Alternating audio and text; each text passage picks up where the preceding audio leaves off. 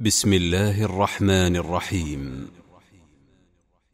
قال الإمام العلامة مالك بن عبد الرحمن بن علي بن عبد الرحمن ابن المرحل المالقي الأندلسي نزيل سبته رحمه الله تعالى.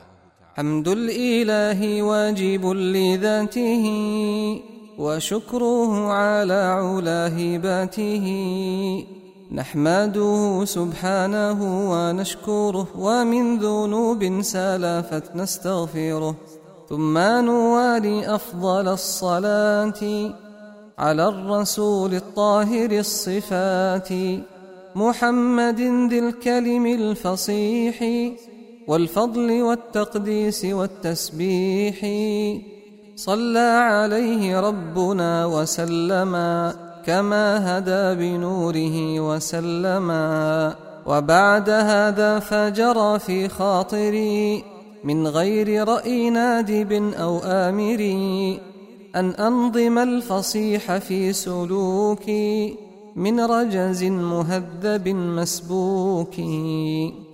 وبعض ما لا بد من تفسيره وشرحه والقول في تعبيره من غير أن أعدو ذاك المعنى واللفظ إلا لاضطرار عنا.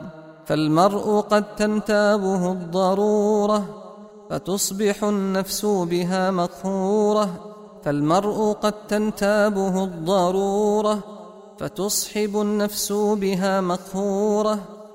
رجوت فيه من إله الأجرى والذكر في عباده والشكرى والآن حين أبتدي بالقول.